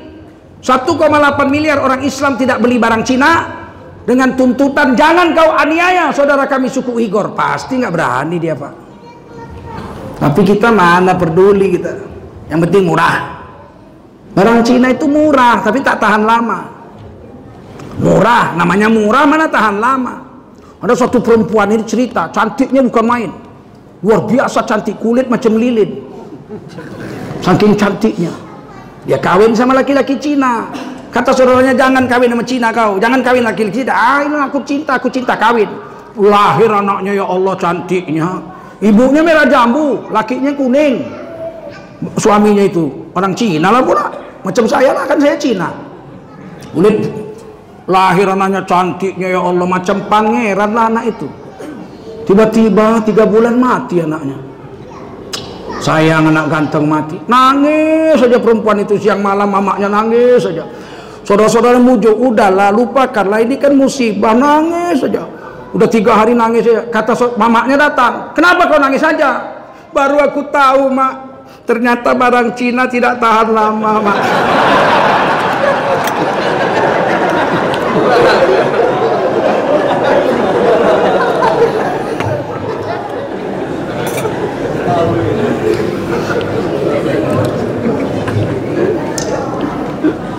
Di Indonesia dia orang Islam 230 juta. 88,7 persen dari 262 juta rakyat Indonesia. 230 juta orang Indonesia adalah orang Islam. Tapi tidak nampak karena kita tidak bersatu. Coba kita bersatu. Kalau seandainya keperluan makan orang Islam itu tiga kali makan 17 ribu, murah apa enggak itu? tiga kali makan 17 ribu murah nggak nah, berarti kan satu hari 6, satu kali makan 6 ribu makan apa 6 ribu lontong lah tak mungkin kok pagi siang malam lontong udah murah kali lah itu ya nggak nah, 17 ribu tiga kali makan murah lebih murah dari itu bisa 3 ribu sekali makan bisa ya tapi ya kayak gitulah makannya saya bisa ajari 3000 makan cukup, cukup beli nasi aja sama ikan asin. Ikan asin seekor, cukup dua bulan. Cuma caranya? Cium baunya aja. Cukup.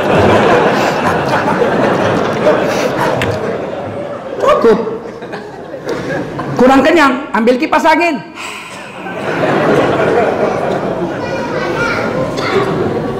Kalau makan kita satu hari 17 ribu, 17 ribu, 17 ribu, 17 ribu, 17 ribu, 17 ribu, 17 ribu, sebulan 500 ribu, sebulan. Itu berarti orang Indonesia yang Islam telah menyumbang untuk negara kesatuan Republik Indonesia sebanyak 115 triliun sebulan. 230 juta ke 500 ribu, 115 triliun sebulan sumbangan orang Islam untuk negara ini. Tapi kita dianggap nggak ada. Kalau Taipan yang datang terbungkuk-bungkuk pesawat pejabat. Selamat datang Bapak. Silakan. Silakan. Taipan itu pun heran. Hanya lo orang bungkuk-bungkuk lah. ya, silakan. Coba kalau kita yang datang, mau apa? Saya mau pergi, nggak ada waktu. Allah tolong ya, cepat cepat cepat cepat cepat. Karena kita dianggap nggak berjasa. Padahal orang Islam satu bulan membantu negara 115 triliun. Kalau rata-rata 500 ribu. Kalau diratakan ada yang 3 juta, ada yang 2 juta, ada yang sejuta, ada yang 100 ribu, ada yang 700 ribu, ada yang 5 juta sebulan. Dirata-ratakan sejuta aja. Orang Indonesia yang Islam telah menyumbang untuk negara dalam satu bulan itu 230 triliun sebulan. Sebulan. Sebulan. 230 juta kali sejuta. 230 triliun sebulan. Setahun. Taruhlah 500 ribu sebulan, 115 triliun sebulan. Setahun 1450 triliun. APBN negara kita cuma 1500 triliun setahun. Orang Islam belanja saja itu sudah 100 1450 triliun setahun. Kalau kita bersatu. Tapi selama ini kita belanja ke mana? Kita belanja itu mulai besok terbit matahari. Belanjalah di warung-warung tetangga saja. Siap? Nah, warung tetangga, warung Pok Mina, warung Wak Siti, warung Pak Joko, warung Wak Jainuddin, ya kan? Warung Wak Ngaciro, ya kan? Maka satu bulan 115 triliun hanya beredar di tetangga kita saja. 10 tahun bagaimana kayanya orang Islam? Bagaimana kayanya orang Indonesia sama tetangganya. Kita ini ditipu, beli telur sebutir sama tetangga 2300. Beli telur sebutir di mall 2000, lebih murah di mall. Salah. Di mall 2000 satu butir telur, sama tetangga 2300, lebih murah sama tetangga. Sebab di mall pakai ongkos. Betul? Membuang waktu, betul? Bayar parkir, betul? Kena pajak, betul? tas kresek bayar lagi 200 perak nanti selembar tapi bungkus air pakai plastik bungkus minyak goreng pakai plastik bungkus beras pakai plastik kecap pakai plastik saus pakai plastik nggak bayar yang bayar kreseknya sontonoyo kali kau pabrik-pabrik nggak kena sama kau yang tas kresek kena nampak nampak mata kalian itu sama siapa berpihak sekarang ini kalau mau cari duit, kenailah yang semua plastik. Saus kena plastik, minyak goreng kena plastik, semua kan kena plastik itu. Oh, semua Indomie kena plastik semua kan? Sebungkus kenailah seribu. Berapa ribu triliun itu satu tahun kalau mau. Berani nggak itu masalahnya? Berani, ha, berani nggak? Yang berani tas kresek. 200 perak tas kresek.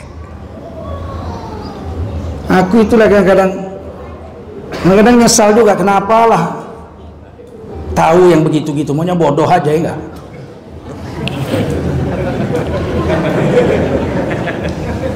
kalau awak pelongak-pelongok aja nggak ada musuh ya ada musuh tapi awak tahu gini nggak ngomong berdosa menyembunyikan ilmu dikekang mulutnya pakai kekang neraka tanggung jawab di akhirat maka terpaksa disampaikan kalau setiap kita belanja sama tetangga Insya Allah 10 tahun ke depan akan muncul orang-orang kaya dari bangsa Indonesia. Sama tetangga beli telur, nggak pakai ongkos. Goreng nasi, begitu mau goreng telur, buka kulkas nggak ada telur. Buka jendela, Uden, telur tiga. Nah, lari-lari anak iko dia mak tiga telur dia. Kita goreng dulu, bukan nanya harga, makan dulu, udah makan baru pergi kerja. Pakai Honda ngeng. Belok rumah si Udin. Din barat lu tiga. Enam ribu sembilan ratus abang. Oh iya. Iya. Aduh mak tadi malam ada duit siko sepuluh ribu Din. Iko lah dirogoh sama kakak kau. Kreatif kakak kau Din. Utanglah dulu seminggu Din. Nanti hari Sabtu ada lembur. Ah nggak apa-apa bang. Kan kita bersaudara. Minggu depan hari Sabtu datang dia, Din celaka Din, kenapa lembur batal Din?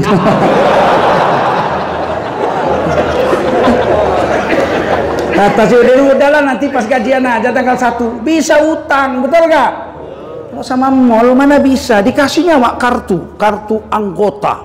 10 tahun anggota. Sekali bilang-bilang, hari ini aku nggak ada duit. Utang ya? Mana boleh.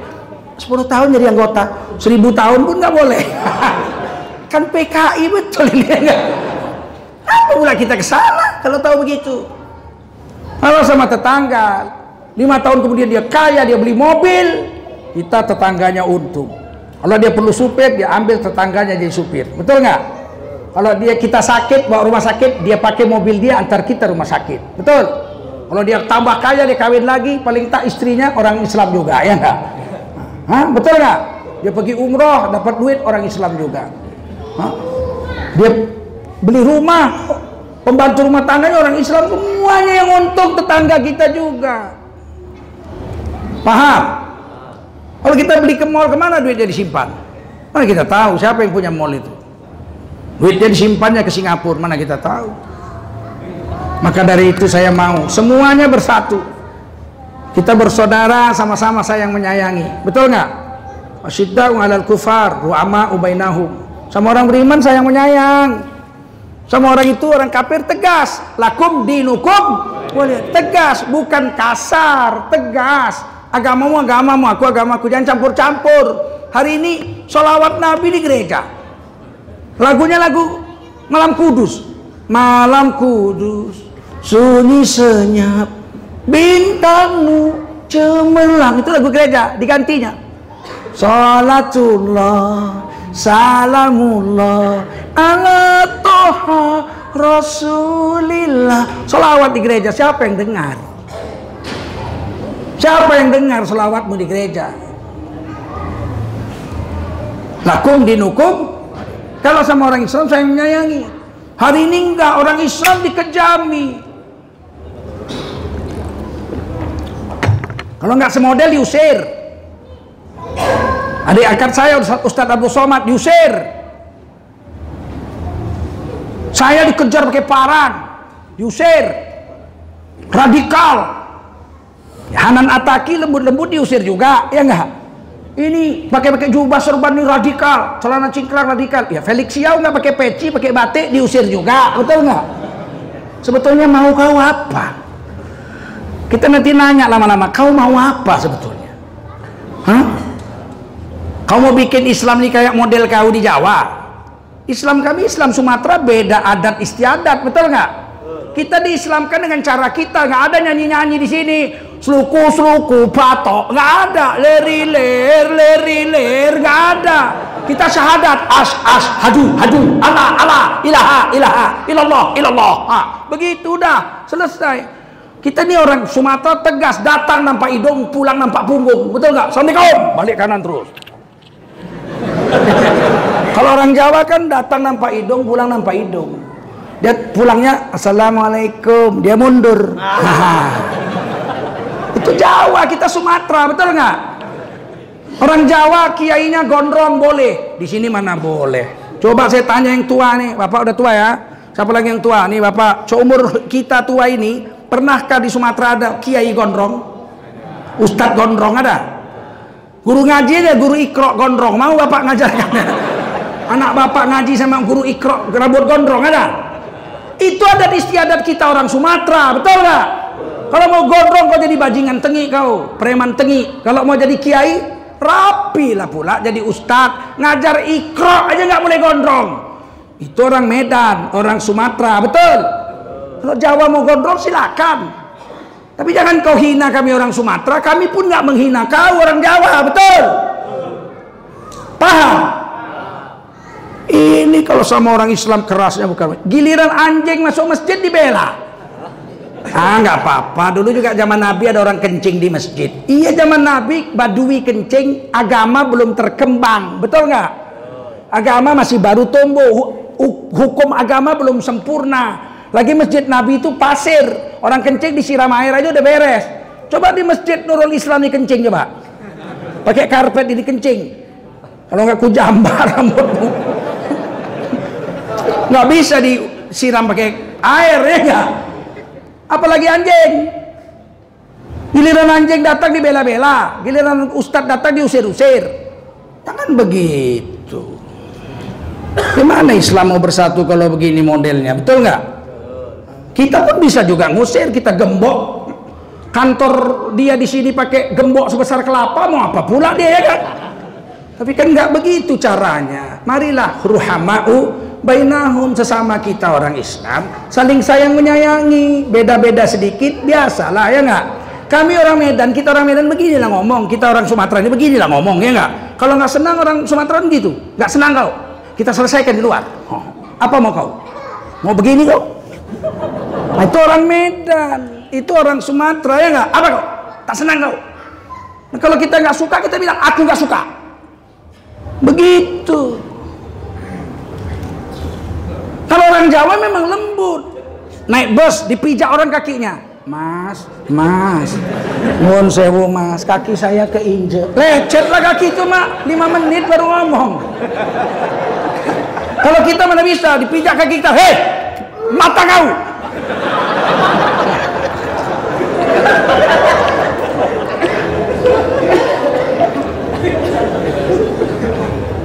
Biasalah kita berbeda-beda ya enggak, tapi sama-sama orang Islam ya kita, sayang menyayangi lah.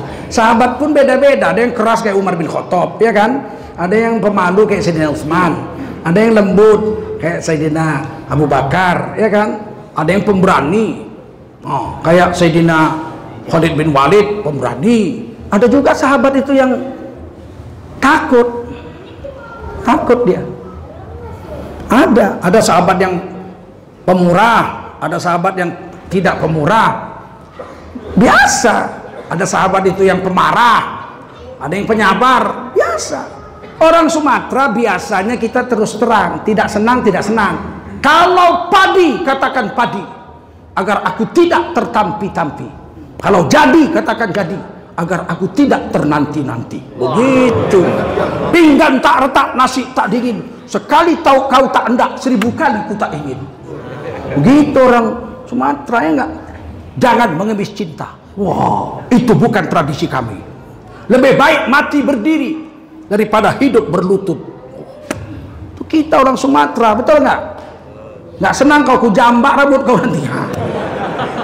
Kalau orang Medan lebih pasar, diam kau kutunjangkan muncung kau nanti. Lebih parah lagi orang Medan.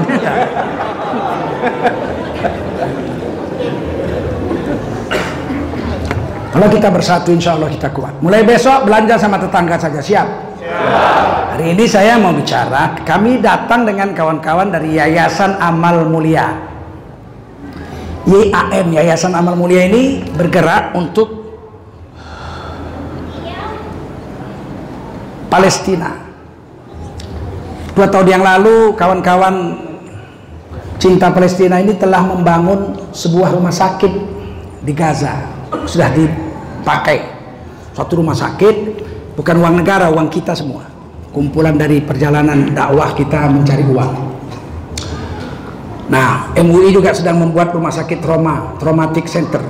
Itu 90 miliar. MUI sedang kumpulkan duit hari ini saya dengan adik-adik Yayasan Amal Mulia ini mau membangun masjid rencananya di Provinsi Khan Yunis itu dua tingkat rencana tanahnya 5000 meter setengah hektar tapi kemudian mereka minta tambah jadi empat tingkat karena masjid itu bukan sekedar untuk tempat sholat tapi juga untuk madrasah hafiz Quran yang selama ini masjid kecil namanya Abu Uday bin Ubaidah bin Zarah itu sudah mencetak 350 penghafal Quran. Jadi kalau masjid ini empat tingkat, kita akan tingkatkan lebih banyak penghafal Quran. Terus kita akan pakai rumah masjid itu untuk pelatihan-pelatihan uh, bagi perempuan-perempuan dan laki-laki Palestina untuk mencari nafkahnya. Juga untuk mengobati kalau yang sakit mendadak ditembak belum bawa rumah sakit P3K nya kita selesaikan dulu di masjid ini. Juga kalau di musim dingin nanti bulan 10 ini yang saya paling khawatir ini bulan 10 bulan 10, bulan 11, bulan 12, bulan Januari itu di Palestina musim dingin itu bisa minus 15 derajat celcius di bawah nol kalau rumahnya di bom Israel dia cuma dalam tenda musim panas bisa dia bertahan tapi kalau musim dingin minus 15 derajat matilah dia kalau dia tidur di tenda-tenda. Dia mesti masuk masjid kita ini. Sekarang sudah selesai tingkat duanya dicor. Sekarang menuju ke tingkat tiganya. Sudah 40% duit masuk. Seminggu yang lalu kurang lebih kami telah mengantarkan rombongan kita yang mengantarkan uang itu ke sana. 18 orang membawa uang 1,4 miliar rupiah. Setiap tiga bulan sekali kita kirim duit ke sana. Nanti 16 Agustus kita akan kirim lagi duit untuk kepentingan membangun. Ini karena kita bekerja waktu. Saya berharap tiga selesai pada bulan Oktober. Ini rencana sampai 2020 masih setahun lagi karena bisa dipakai nanti di musim dingin ini harapan saya. Air di sana susah. Karena listrik cuma hidup 3 jam. Dari 24 jam itu listrik hanya 3 jam. Jadi kita harus beli genset besar untuk menyedot air. Kemudian juga listriknya hanya 3 jam. Kalau ada genset besar itu bisa satu hari satu malam kita pakai genset. Genset itu harganya kalau di sini 500 juta yang besar itu. Karena MUI punya satu.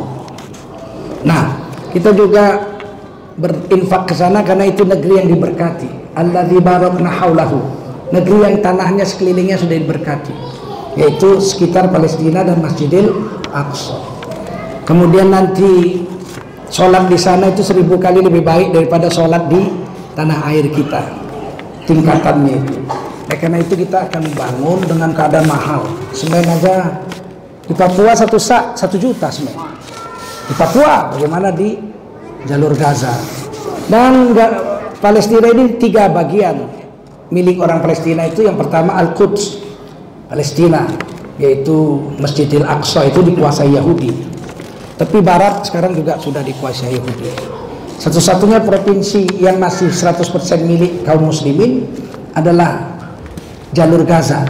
Ya, di sinilah kita akan bangun uh, masjid itu empat tingkat. Mudah-mudahan segera berhasil dibangun. Amin. Nah satu meter harganya 10 juta. Satu meter 10 juta. Empat tingkat. Jadi saya minta kepada bapak ibu yang mau menyumbang 10 juta cash malam ini tujuh tangan dan maju ke depan insya Allah kita akan foto kita akan kirim ke Palestina dan kantor pusat kita. Orang yang bersedia menyumbang 10 juta insya Allah. Allahu Akbar. 10 juta nggak ada. Mana kartu? Kalau tidak bisa cash kita sediakan kartu untuk komitmen. Ini kartu dari bank syariah mandiri. Ada nomor rekeningnya. Kalau bapak niat jual berderma 10 juta tapi dibayar cicil sampai 2 tahun boleh. Satu bulan 500 ribu 200 ribu. Di sini ada nama lengkap bapak ada nomor telepon bapak bisa kirim ke bank ini setiap bulannya berapa? Jadi tidak mesti langsung cash. Komitmen menyumbang 10 juta. Bukan utang tapi komitmen. Bapak berdoa sama Allah mudah-mudahan Bapak diberi rezeki dan Bapak bisa memenuhinya dalam dua tahun. Siapa yang komitmen mau nyumbang 10 juta insya Allah. Ibu-ibu bawa Bapak silakan. Jangan takut berbuat baik. Untuk tangan jangan malu insya Allah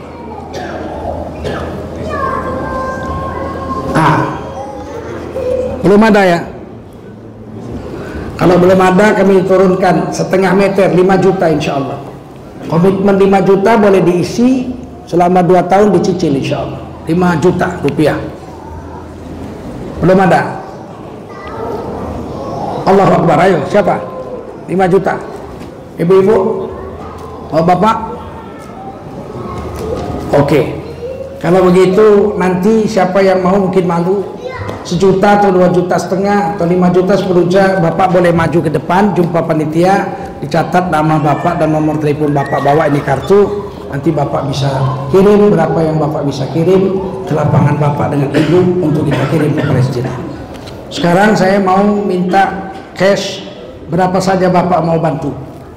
100 ribu pun boleh. Tapi kalau 100 ribu bapak kirim sendiri ke sana ongkos ke sana aja 14 juta tapi kalau Bapak berikan sekarang 100 ribu, sampai ke sana. 10 ribu pun sampai ke sana. Karena orang ini yang akan mengantar pada tanggal 16 Agustus nanti. Jadi saya akan edarkan bakul, semua harus memberi. Kalau kebanyakan ambil pulangnya. Masukkan 100 ribu, ambil pulangnya 50 ribu. Masukkan 100 ribu, ambil pulangnya 70 ribu, boleh. Asal jangan masuk 50 ribu pulang 200. Baik, mari kita mulai perjalanan bakulnya. Siapkan panitia. sebelum kita tutup ayo. Salatullah salamullah ala toha rasulillah. Salatullah salamullah yasin habibillah salatullah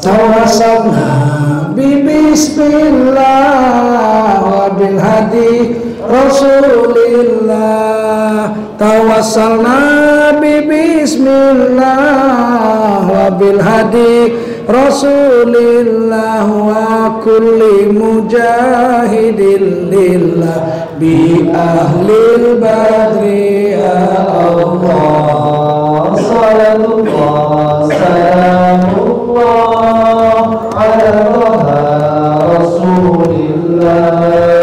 Salatullah salamullah ala yasin habibillah tawassalna bi bismillah wa bil hadi rasulillah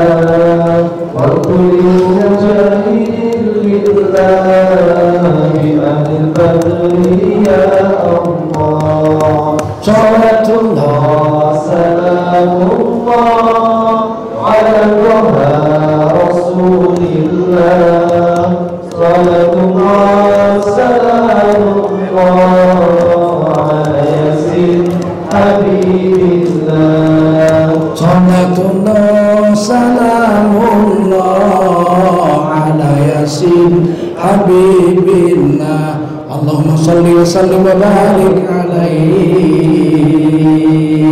Subhanallah bihamdihi subhanakallahumma wa bihamdika Asyhadu an la ilaha illa anta astaghfiruka wa atubu ilaik Subhana rabbika rabbil izzati amma yasifun wa salamun alal mursalin walhamdulillahi rabbil alamin Wassalamualaikum warahmatullahi wabarakatuh